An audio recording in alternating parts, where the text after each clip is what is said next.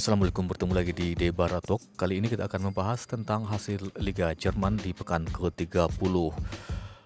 Pekan ke-30 sendiri diawali dengan pertandingan antara Freiburg melawan Borussia Mönchengladbach di venue Sakarwart Stadion di Freiburg.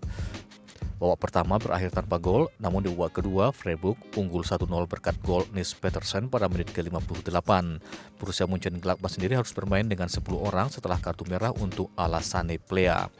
Kekalahan Munchen Gladbach ini sedikit mengurangi harapan mereka untuk bisa finish di empat besar.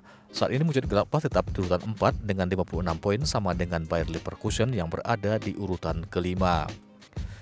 Sementara di venue Commerzbank Arena, Frankfurt menjalani derby Rhein-Main melawan Mainz. Tuan rumah kalah 0-2 dan pada pertandingan itu pemain Mainz Pierre Kunde melakukan lutut aksi protes ketidakadilan rosial setelah pemain internasional Kamerun itu mencetak gol kedua untuk timnya Mainz. Selanjutnya peringkat dua klasemen Borussia Dortmund bertanding melawan Bayer Leverkusen di Signal Iduna Park. Sebelum pertandingan, para pemain, ofisial pertandingan dan staf pelatih melakukan berlutut bersama-sama sebelum kick-off untuk mendukung Black Lives Matter. Emre Can menjadi pencetak gol satu-satunya dalam pertandingan itu setelah memanfaatkan sundulan Julian Brand dari umpan silang Jadon Sancho pada menit ke-57. Borussia Dortmund tetap 7 poin di belakang Bayern Munchen. Di Bay Arena, Bayer Leverkusen menjamu pemimpin klasemen Bayern Munchen. Bayern Munchen bisa menang 4-2 dan semakin dekat menuju gelar Bundesliga Jerman yang ke-8 berturut-turut.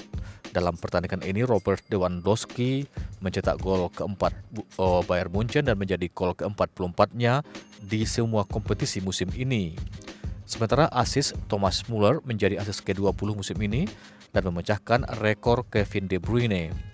Pemain pengganti Bayer Leverkusen di babak kedua, Florian Wirtz, juga menjadi pemecah rekor setelah mencetak gol akhir pertandingan pada usia 17 tahun 34 hari dan menjadi pencetak gol termuda dalam sejarah Bundesliga Jerman.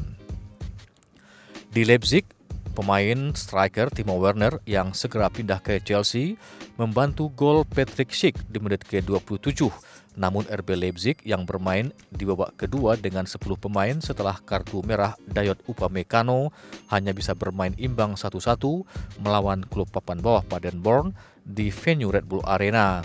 Christian Strodik secara dramatis menyamakan kedudukan di menit ke-92.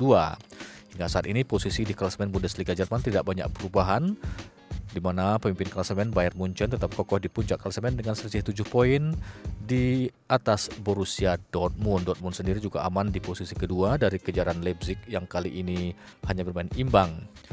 Dan patut dicatat bahwa Bayern Munchen semakin dekat ke gelar ke-8-nya berturut-turut di Bundesliga Jerman.